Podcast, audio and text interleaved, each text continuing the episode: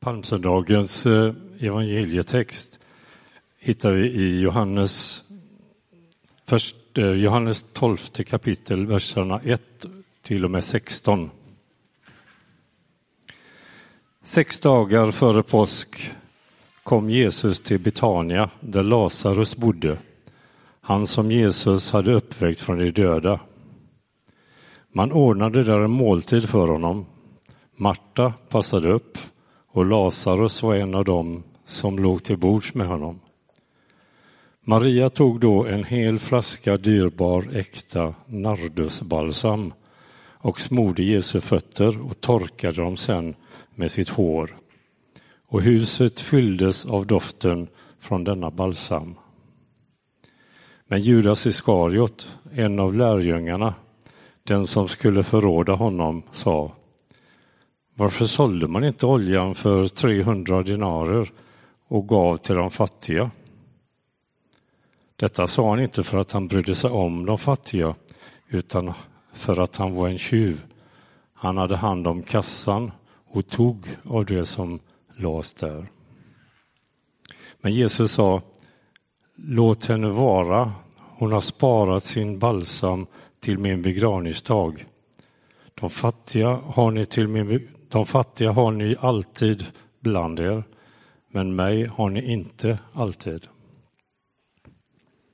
En stor mängd judar fick reda på att Jesus var där och de kom dit, inte bara för honom, för hans skull, utan också för att se Lazarus som han hade uppväckt från de döda.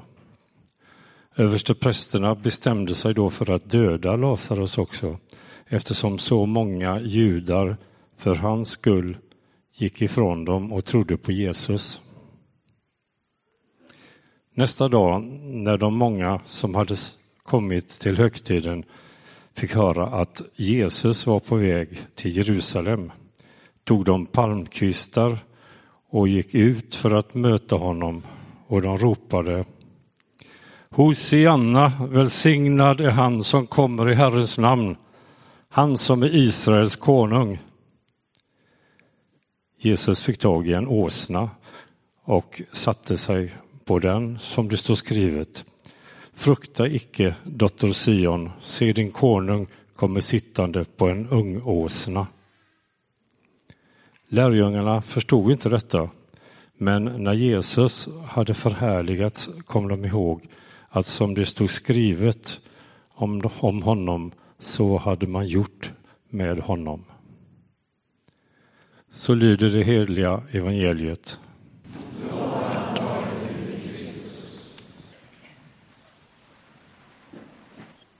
En av veckans eh, mediala nyheter var när den här mannen greps i London i veckan. Julian Assange. Den här datakille som ju för ett antal år sedan dök upp ur ingenstans för att på ganska kort tid bli en världskändis. Där han fick åka land och rike runt utifrån hans ledarskap i den här organisationen Wikileaks som ju publicerade hemligstämplat material. Men så gick det en tid eller några år och så blev han anklagad för våldtäkt och så har han varit inlåst, eller har låst in sig själv kanske på ett ambassad i London där han i veckan blev arresterad. Jag är inte så intresserad av att prata om honom, men han får idag utgöra ett exempel på den riktning eller på den kurva som vår tid så kännetecknas av. Och den kurvan ser ut så här. Riktningen uppåt. Att gå från att vara ingenting till att bli någonting. Från att vara en doldis till att bli en kändis. Från att vara ja, fattig till att bli rik, till att bli framgångsrik. Från att gå att vara en förlorare till att bli en vinnare.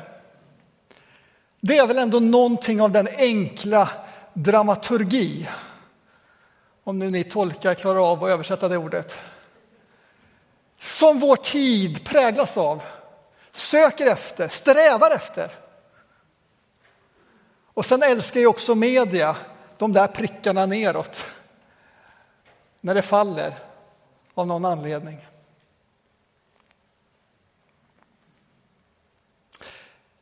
Det här skulle också kunna vara beskrivningen av det som nu händer på stigen in mot Jerusalem. Jesus hade ju ändå gått från att vara en doldis uppvuxen på landsbygden, helt under radarn för att under tre år göra en ganska stadig karriär uppåt. Och nu hyllas han. Och alla tror att detta förebådar toppen han snart ska nå när han ska krönas till kung i huvudstaden. Ingen anar ännu att hans popularitet ska störtdyka om bara några dagar när han inte vill leva upp till deras bilder och förväntningar av honom.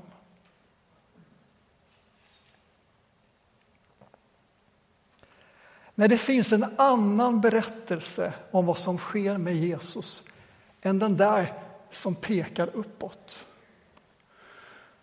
Och den berättelsen kanske bäst, vackrast och kortfattast beskrivs och berättas av en man vars själv, vars egen karriär är under fritt fall när han befinner sig i fängelset i Rom. Paulus berättar en annan berättelse i en annan av dagens texter i Filipperbrevet kapitel 2. En text som har blivit kanske ett av kyrkans mest omtalade, mest omtyckta texter i historien. Och jag skulle vilja uppmana dig, om du inte är bekant eller kanske ens kan de här verserna utan till. Lär dig dem. Därför att idissla just de här verserna kan påverka ditt liv radikalt och dina vardagsval. Vi läser från Filipperbrevet kapitel 2 och vers 5.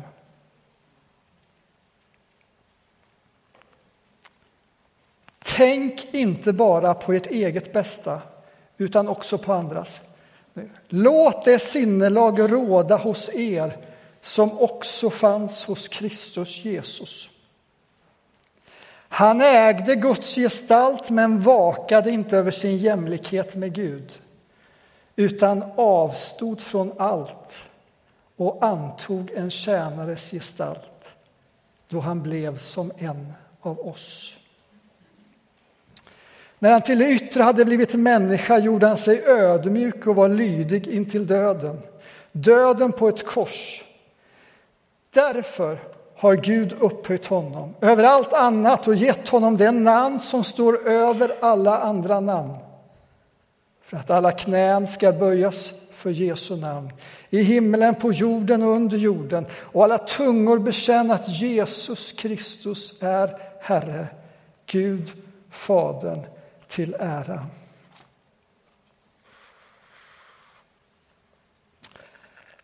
Här beskrivs en annan berättelse, en annan kurva. Ska vi ta den omvända kurvan? Den omvända riktningen som pekar nedåt. Och tydligast gör det i två ord. Jesus går från att vara i Guds gestalt till tjänarens gestalt. Eller som det också översätts, slavens gestalt. Från Guds gestalt till slavens gestalt. vilket om han bara några dagar ska visa när han böjer sina knän och tvättar deras fötter. Och observera nu att den där riktningen beror inte på att någon puttar ner honom från tronen. Det beror heller inte på att han tar något moraliskt snedsteg. Det är Jesu medvetna, frivilliga nedsteg som denna berättelse beskriver.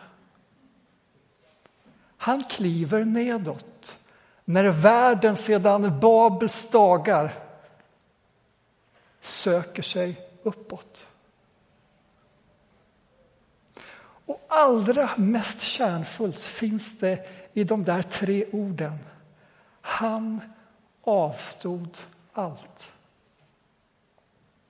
Eller tömde sig på allt. Utblottade sig på allt. De där orden är så kärnrika och så innehållsrika så kyrkan har i hela sin historia förundrats, fascinerats och skapat tillbedjan till honom. Men framför allt har man reflekterat. Vad betyder det att Jesus avstod allt? Ja, klart är, menar kyrkan, är att han avstod de himmelska privilegierna. Vi kan ju ana lovsången och äran och upphöjelsen och härligheten han lämnade i himmelen. Klart är också för kyrkan att han inte avstod sin gudomliga identitet. Kyrkans bekännelse blev tidigt att Jesus var sann Gud och sann människa. Nej, debatten har under årens lopp handlat om hur mycket av Jesu gudomliga egenskaper, av hans kraft, av hans allmakt, av hans allvetande avstod Jesus i hans vandring nedåt.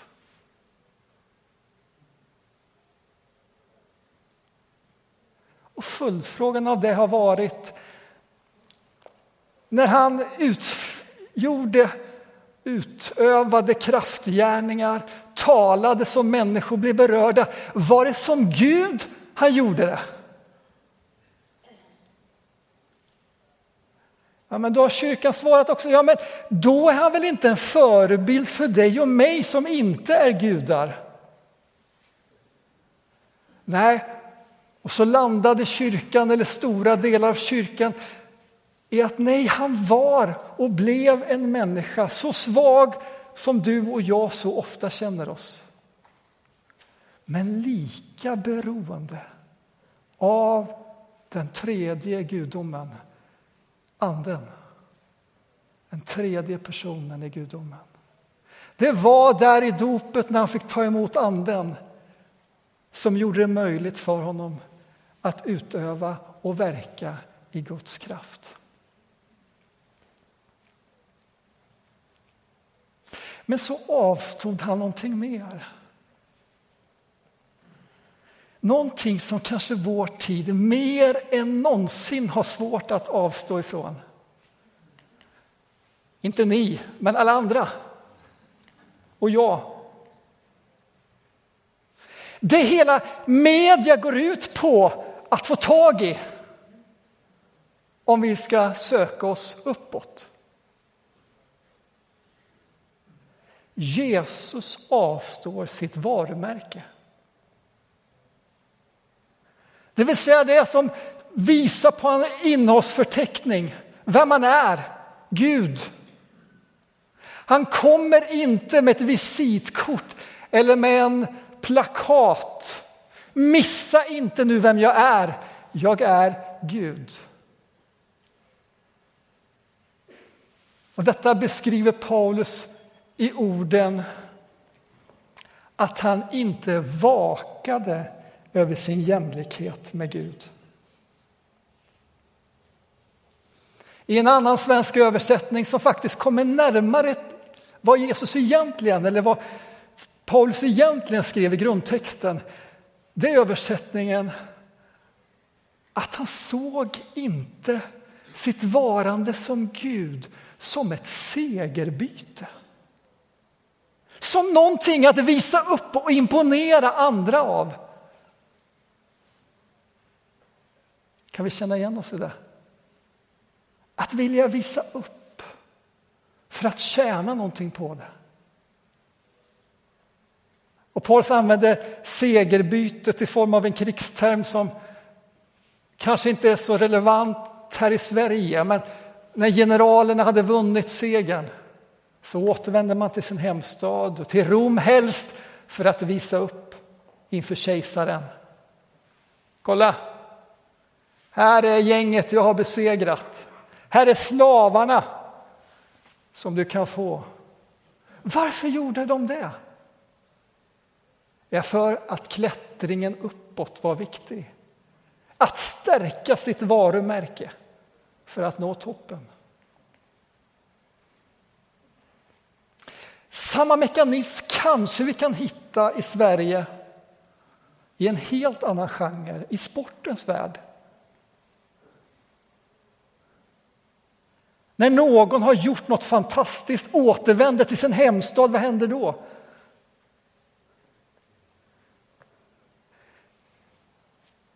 I Lidköping vid Vänern för några veckor sedan hände någonting på torget.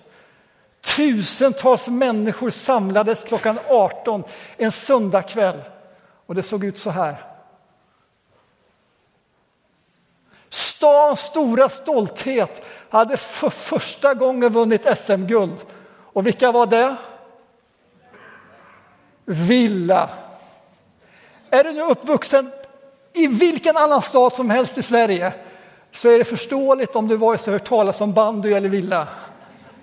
Men om man bor i Lidköping, då är detta grejen i livet. Att se sitt lag vinna SM-guld gjorde att torget fylldes. Och där är det väl någon, jag kan inte vad, vad, vad lagkaptenen heter, Eh, som visar upp sin guldmedalj och sin guldhjälm och sin, ja, alla prylar inför folket som hyllar. Det är glädje och fest. Men det är någonting av detta Jesus avstår ifrån. Han skulle kunna ha gjort detta, men han vandrar nedåt. Han avstår att använda livet, världen, omgivningen till ett medel för att framstå själv. Och vänner, här behöver vi kanske se upp i vår tid. I vår mediala internettid där de fantastiska sociala medierna har så många goda sidor. Men visst är det ändå så att dess beska smak är att det för allt och alla Varenda erfarenhet jag är med om i livet, varenda människa jag möter, så är det, kan jag använda detta på något sätt för att visa upp vem jag är? Om vi drar det lite krast och söka andras bekräftelse. Någonting gott i sig om det inte blir någonting vi slaviskt vi måste agera på. Jesus är fri här. En frihet som jag tror vi kan sukta efter, längta efter. Att inte behöva på det sättet framvisa oss själva.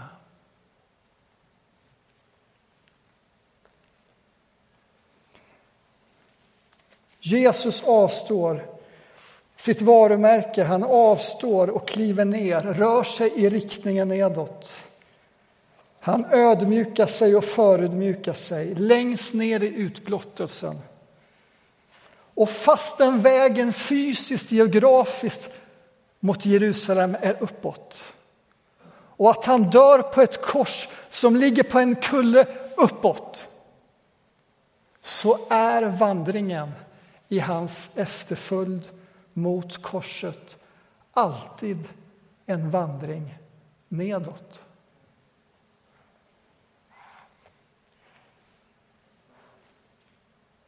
Och om vi ska försöka avrunda och dra ihop detta.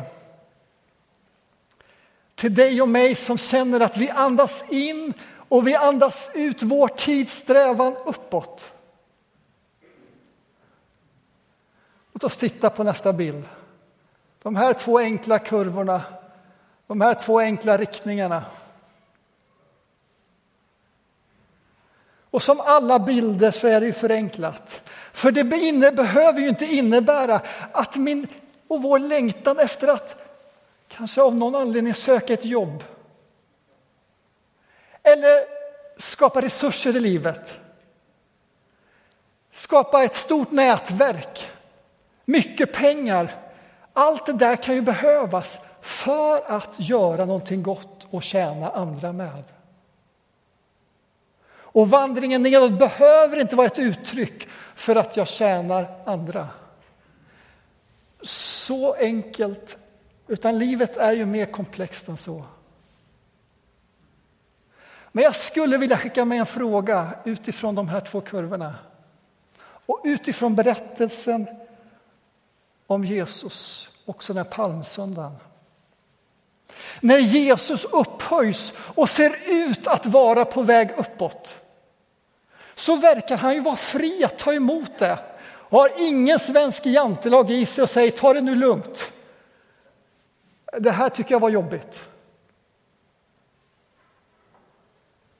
Men han är också fri att några dagar senare göra valet nedåt. Även om han gör människor besvikna och han själv får utstå hån för det. Finns det inte där i honom en, en frihet som verkar så eftertraktad? Att få leva så.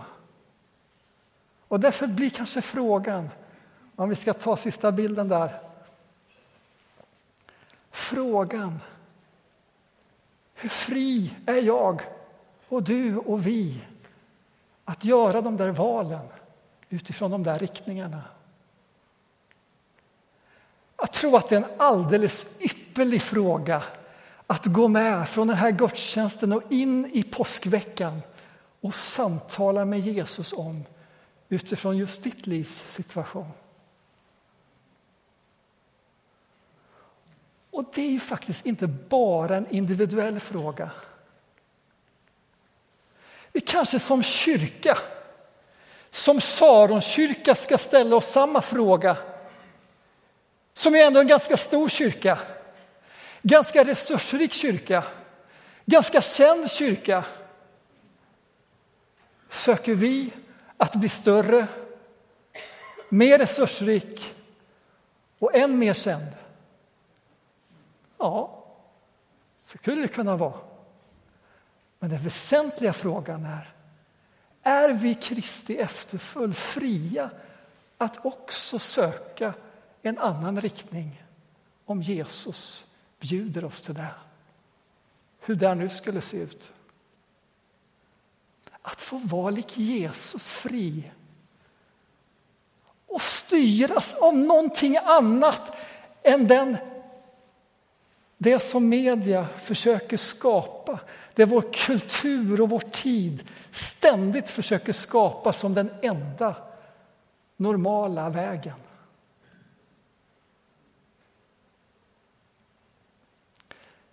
Till dig som känner att du befinner dig i utblottelsen du känner att ditt liv är tömt på allt vad kraft av framgång eller vad det nu kan vara uppåt. Du befinner dig längst där nere. Kanske i händerna på Migrationsverkets beslut. Kanske i händerna på läkares beslut om det handlar om sjukdom. Där nere växer ofta frågan varför. Varför Gud får jag vara med om detta? Och utifrån dagens texter skulle vi kunna komplettera den frågan med Anar jag, anar du att han finns där, just där, hos dig och mig? Och allra sist, till dig som känner att den där Jesus vet jag nog egentligen inte riktigt vart jag har. Så har Paulus och Johannes nu försökt spegla någonting om vem Jesus är. Så olik vår tids alla kändisar.